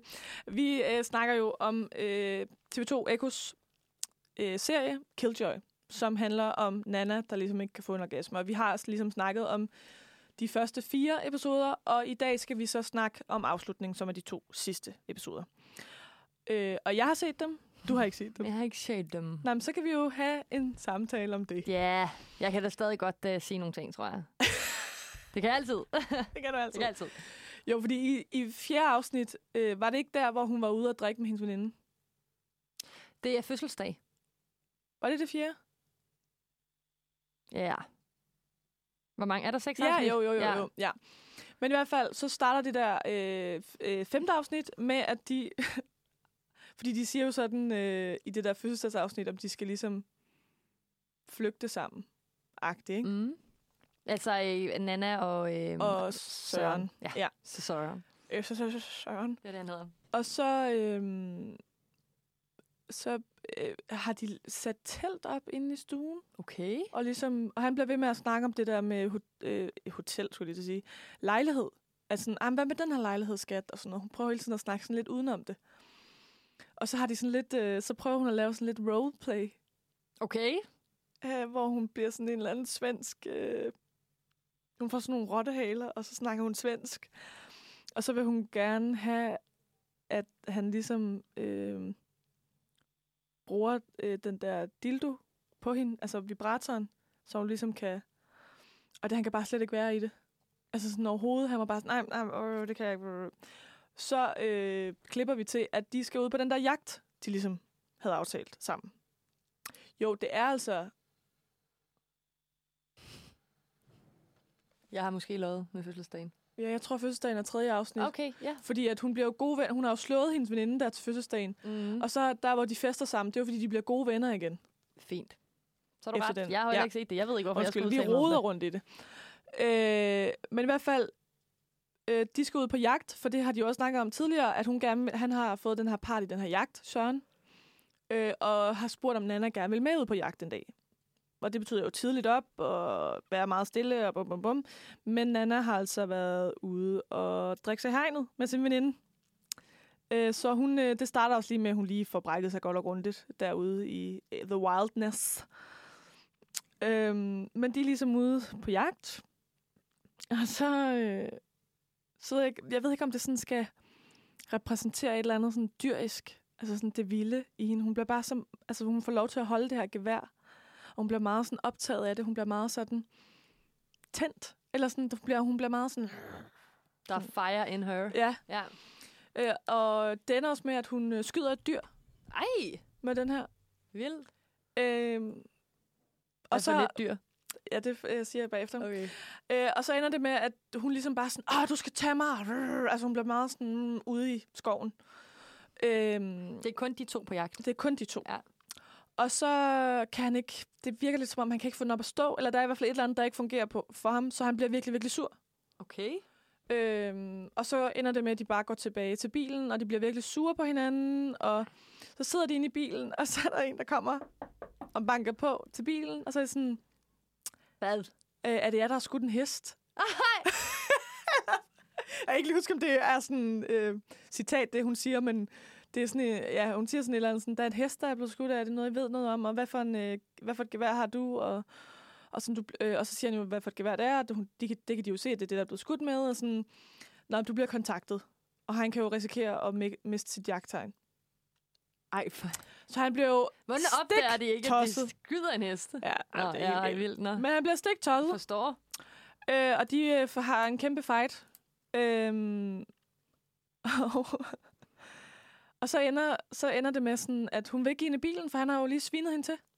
Og sådan, nej, jeg vil ikke med hjem. Eller sådan, og han er så, Nana, sæt dig ind i bilen. Og han er bare sådan, ej, han er så sur. Øh, og så ender det med, at han bare kører uden hende. Og hun Ej. er ligesom i skoven. Nå. Så, så ser man ligesom, at hun bare sådan går ind i skoven. Og det er ligesom det, det aller sidste afsnit starter med, det er ligesom, hun er ude i den her skov. Og så er der også et eller andet, hun, øh, hvis vi går lidt tilbage i afsnittene, så var, skulle hun jo lave den her brudekjole. Og en- på en eller anden måde, altså det sidste afsnit er meget sådan forvirrende. Altså det er sådan alle mulige scener oven i hinanden, som er sådan, det er sådan, det virker bare som sådan en potpourri af alt muligt Mhm. mm. oven i hinanden, som ikke er kronologisk på nogen som helst måde.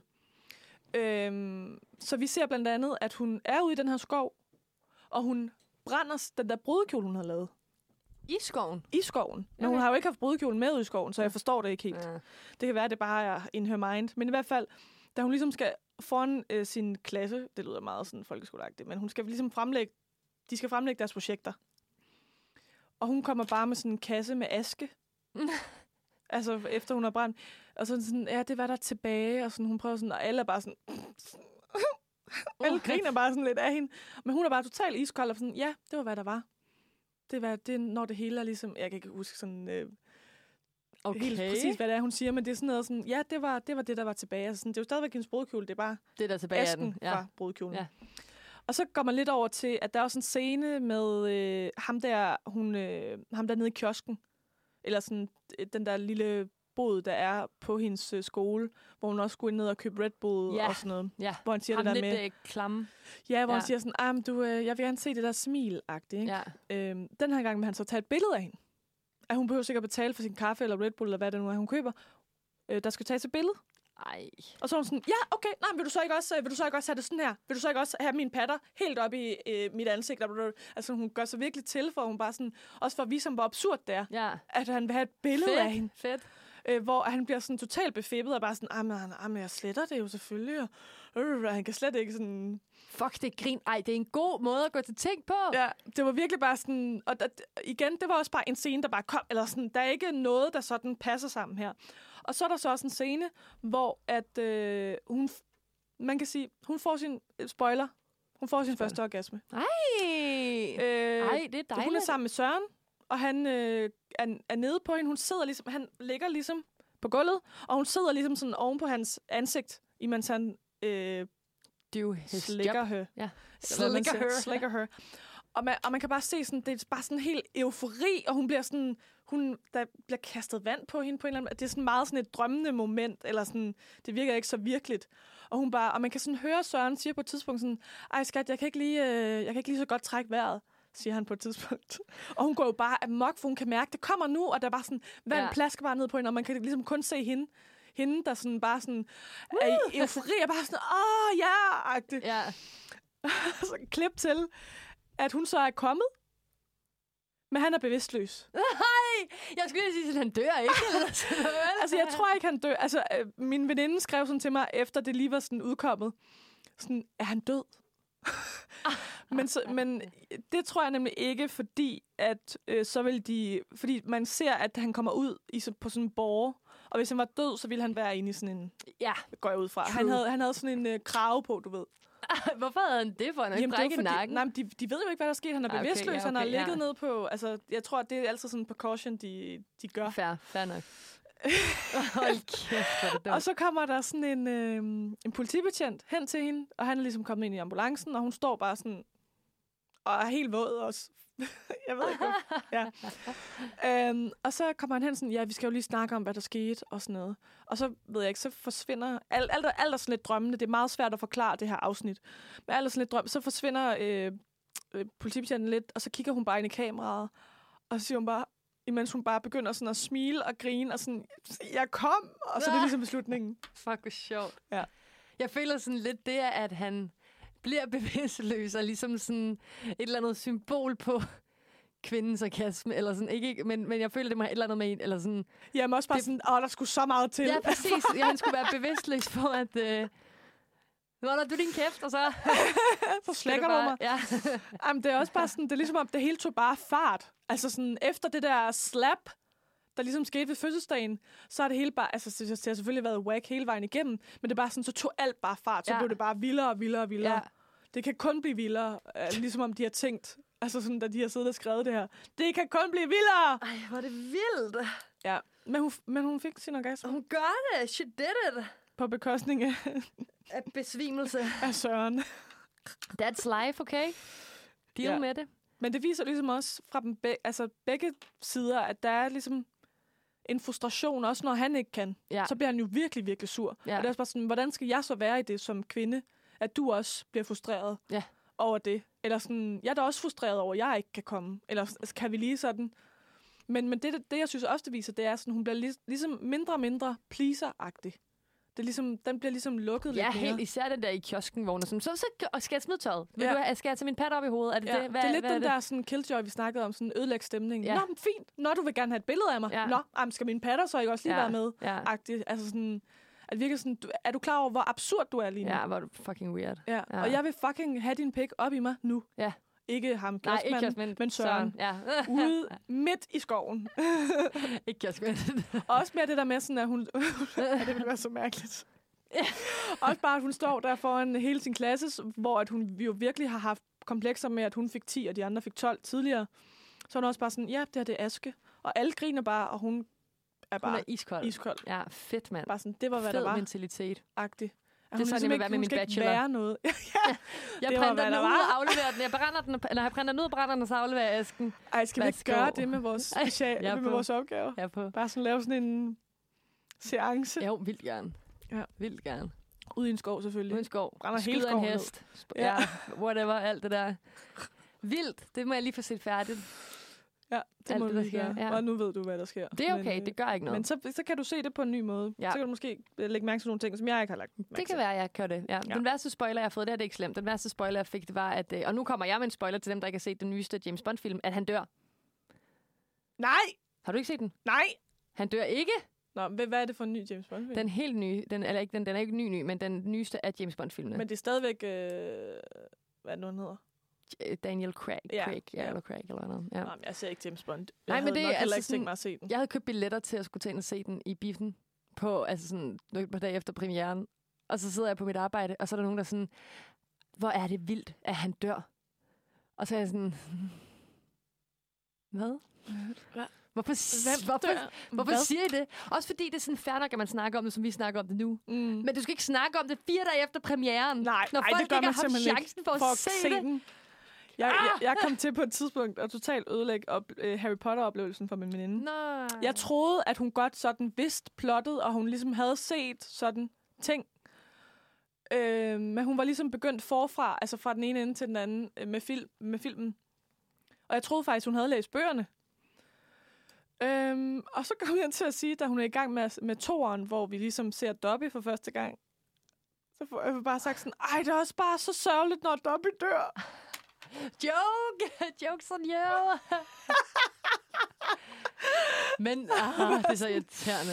Ja, hvor hun bare var sådan, hvad? Nej, det gjorde du bare ikke. Så efter det, så har hun altid spoilet ting for mig. Ej, det er også tavligt. Det er tavligt. Det er Ja. også tavligt. Det hele er tavligt. Ja, det var ikke så godt. Ja. Ja. Og jeg er også kommet til det en gang mere over for hende. Fordi jeg troede, hun ikke ville se filmen. Det var en af de der, det var den der Thor Ra- Ragnarok. Mm. Og sådan, hun havde sagt, hun ikke gad se den. Så jeg var bare sådan, ja, Odin dør. Ej, og, men okay, fair nok. Der siger hun også, at hun ikke vil se det, så det er okay. Ja, men der var, men der var hun åbenbart nået til det punkt, hvor hun gerne ville se, jeg ved det ikke. Men hun var, der var hun i hvert fald også sur. Det var ligesom dengang med Dobby. Ja, ja. Det er også ærgerligt, det er den samme med den hele tiden, ikke? ja det er dumt, Ja, ikke? jo. Så øh, ingen, øh, nu er vi også færdige med at spoile og spoile Ja, ja, uh, Killjoy, Undskyld. fordi der Vi er ikke flere. Er der flere ting, vi kan spoil? Nej. Vi kan spoile et lækkert nummer. Yes. Det kan, ja. Og det er et nummer af William Torp, og det hedder Late Night Traffic. Du lytter til Manfred her på Uniradioen, og klokken den har slået 9 minutter, snart er den 8 minutter, 4, 3, nej, ja. 2, En, jeg 1, tæller ned ligesom i fanfiction. 8 minutter i 11. 11, yes, yes, yes. Så vi er ved at nå øh, verdens ende, eller Verdens ende. verdens ende er vi ved Ja. at nå. Ja. Vejens ende i hvert fald for Nå i dag. ja, Nå ja. Ikke verdens. Nej, okay. Men inden da, Jeg trækker det tilbage. kan du så get those words back in your mouth. Yes, please. Yes. Hvad skal vi lige nå inden? Vi skal nå... Altså, jeg ved ikke, om det er mine høretelefoner, eller om underlægningen er meget høj. Nej, altså mine... Okay, underlægning er meget høj. Okay, godt. Jeg kunne bare ikke lige koncentrere mig. Nej, det er fair nok, det er fair nok. Ja. Det er fair nok. Øh, Det er også, fordi mine høretelefoner er lidt dårlige i ja, dag. det er så jeg også. kan ikke det er øh, lidt dumt. helt vurdere. Men i hvert fald, vi har jo her på Manfred-redaktionen øh, en udfordring, vi giver videre til hinanden, og vi giver jo til onsdagsredaktionen og får fra fredagsredaktion. Redaktion, ej, jeg kan slet ikke snakke. Redaktionen. Øhm, men i sidste uge, der var fredagsredaktionen på Spot Festival, så de øh, gav os ikke en udfordring. men hvilket de man også lavede godt noget forstå. ret De fedt. lavede noget pissefedt på Spot. Så gå ind og hør det, faktisk. Øhm, det, det er vist ind under Uniradioen på Festival 2023. Det hedder det. Øhm, men vi skal stadigvæk give en udfordring videre. Og i den her uge har vi jo, som sagt, ensomhedstema, så den udfordring, vi giver videre, kører os lidt på det, på ensomhed. Ja, Hvad er det for en øh, øh, øh, udfordring, vi gerne vil give til onsdagstradiktionen, Vi Cecilie? vil gerne give onsdag en øh, udfordring, der hedder Ha' et speak, hvor du er alene i studiet. Du bestemmer selv, hvad det skal handle om. Ja. Så øh, de andre medværter skal gå ud Mm. af studiet, og så skal den Og du, person, de må faktisk tilbage- ikke engang være bag øh, det vindue, vi har inde i studiet. Nej. Altså, de, Nej, nej, du må de ikke skal kunne gå se væk. dem. Der skal, du Ja. skal være alene. Ja. ja. Og heldigvis kun et speak. Et speak. Ja. Men bestemmer selv, hvad det skal handle om, om øh, hvad som helst. Ja. Men øh, man skal Men være du alene. skal prøve at være alene. Mhm. Ja. Og du så det kan vil- godt. ja. You can, you can do, do, it. it. Yes. Og I vælger selvfølgelig selv, hvem af jer det skal være. Ja, det skal vi ikke bestemme. Nej. Vi ved heller ikke, hvem. Jo, jo, jo, men Jamen, de, de, jeg ved jo ikke, hvem der skal sende lige Nej, præcis den dag. Vi ved jo godt, hvem onsdagsreaktionen er. You do you. Yes! Onsdag. Og så glæder vi os til en ny udfordring til næste torsdag. Ja. Og noget, jeg glæder mig til, Mathilde, det er, at i morgen, der skal vi jo også på festival. Ja! Med en helt ny festival. En helt split, splinter ny festival. Split ny. Split ny festival. Ja. Og der skal vi øh, ud og stå med en båd Ja, og lave en lille rapportage fra, hvad er det for noget? det er Hum Festival. Hum Festival! Som vi også har haft herinde i Manfred og snakket lidt om det, det her nye, mega fede tiltag. Så øh, hvis du går på humaniora, så kom lige forbi Sønder Campus i morgen fra kl. 16 Ja. til kl. 24. Og der er øh, fede oplæg. Mm. Der er fed musik. Ja, Patina kommer kommer. kl. 22. Det gør de. Det bliver fedt. ja, det, tror gør jeg det altså bare. Vi er der. vi er der. Ja. Du kan finde os på torvet fra 16 til 18 cirka. Ja, cirkus. Ja, der omkring. Øh, hvor du kan høre lidt mere om, hvad Uniradioen er. Ja. Og hvis du har lyst til at blive en del af det, så kan du også det. Det kan jo i hvert fald, der er altid plads. Øhm, så det glæder vi os til. Ja. Og vi skal jo lave lidt en reportage om, øh, hvor fed humaniora er. For fed. Ja. Altså, sådan det var. Ja. Ja, så det glæder jeg mig meget til. Ja. Det bliver fedt. Ja. Det havde jeg faktisk lige i to sekunder glemt, vi skulle. Nu har jeg husket dig Ja. på det. Yay! Så står jeg da ikke alene i morgen klokken 4 med en båd og en reportage. Nej, det og, gør øh, du ikke. Nej, Jeg står jo for... Øh, der, der kommer til at være lidt flyers. Ja. Som jeg har stået for. Eller, jeg har været med til at stå for. det er rigtigt. Du Vores ikke- øh, dejlige PR-redaktør øh, har hjulpet med designet. Jeg glæder mig til at se dem. det gør jeg også. Ja. Printet ud. Printet og det hele, ja. Det er Ja, rigtigt. ja, Ja, ja. Nå, Det bliver godt. Men i hvert fald, øh, skal vi lige høre et sidste nummer, Det før vi siger endeligt farvel. endeligt farvel, og tak for nu. Ja. Det er, hvad er det for en? Glasloft med Yndig Feed Tandem. Og det er så, man starter lille fredag. Ja, tak. Din Manfred er ved at lakke mod enden. Vi har haft et skønt program i dag. Vi har fokuseret på ensomhed, og Mm. der er bare tilbage at sige også, at øh, hvis du sidder derude og føler dig lidt ensom, så er der altså steder, fællesskaber, du kan opsøge. Både for, jeg er sikker på, at der både er ting for mænd og for kvinder. Den er øh, stensikker. Den er stensikker. Men i hvert fald, øh, Cecilie, Mathilde. Jeg skal ud det her vejr, jeg skal også ud. og det skal være nu. Jeg har kigget på solen så længe. med klipklapper på. Ja. Ja. Og øh, så har jeg øh, en ting, jeg glæder mig rigtig meget til. Ja. Det er jo, jeg tænker, at vi begge to, os to, vi glæder os begge to til søndag, men af to forskellige grunde. To forskellige grunde. Øh, hvad skal du? Jeg skal til Harry Styles koncert. Yes! Whoop, whoop. Og jeg har fødselsdag! Whoop, whoop, whoop, whoop. Det Så jeg fejrer weekend. Ja, I Horsens til Harry Styles. Jeg tager et flag med og sådan et billede. Ja. Ah, ja. Skal jeg ikke gøre det? Jo, Jo. det gør jeg. Nu har jeg så spoilet en overraskelse. Men Nå. altså, sådan er det. Jeg Ja. tror, det er Harry Style merch. Det tror jeg 100 der er. Ej, jeg skal lade være med at købe alt det merch. Jeg købte også virkelig meget merch for 700 kroner, da jeg var til Minds koncert engang. Det er også fedt. Og jeg har bare ikke brugt noget af det. Jeg køber Harry Styles Jamen, det er merch. så- Ja, det gør jeg. Nå. Men Nok god, god øh, lille fredag. Dejlige lille mennesker. Og kom ud og nyd vejret. Og især på søndag, fordi der kommer 20 grader. Men der er Copenhagen Marathon, så jeg ved ikke helt, hvor man må være henne. Det bliver faktisk 22 grader. bliver det 22? Er Ja, de I dag der bliver det? altså også virkelig varmt, ja. Nå, fuck, hvor er det sindssygt. ja. Nok om det. Det kan du kigge på, imens Ja. at, øh, vi siger farvel og tak. Og mega god dag. Og så hvis øh, man går på Humaniora, kom til Hum Festival i morgen. Vi glæder os til at se dig. Farvel. Hej hej!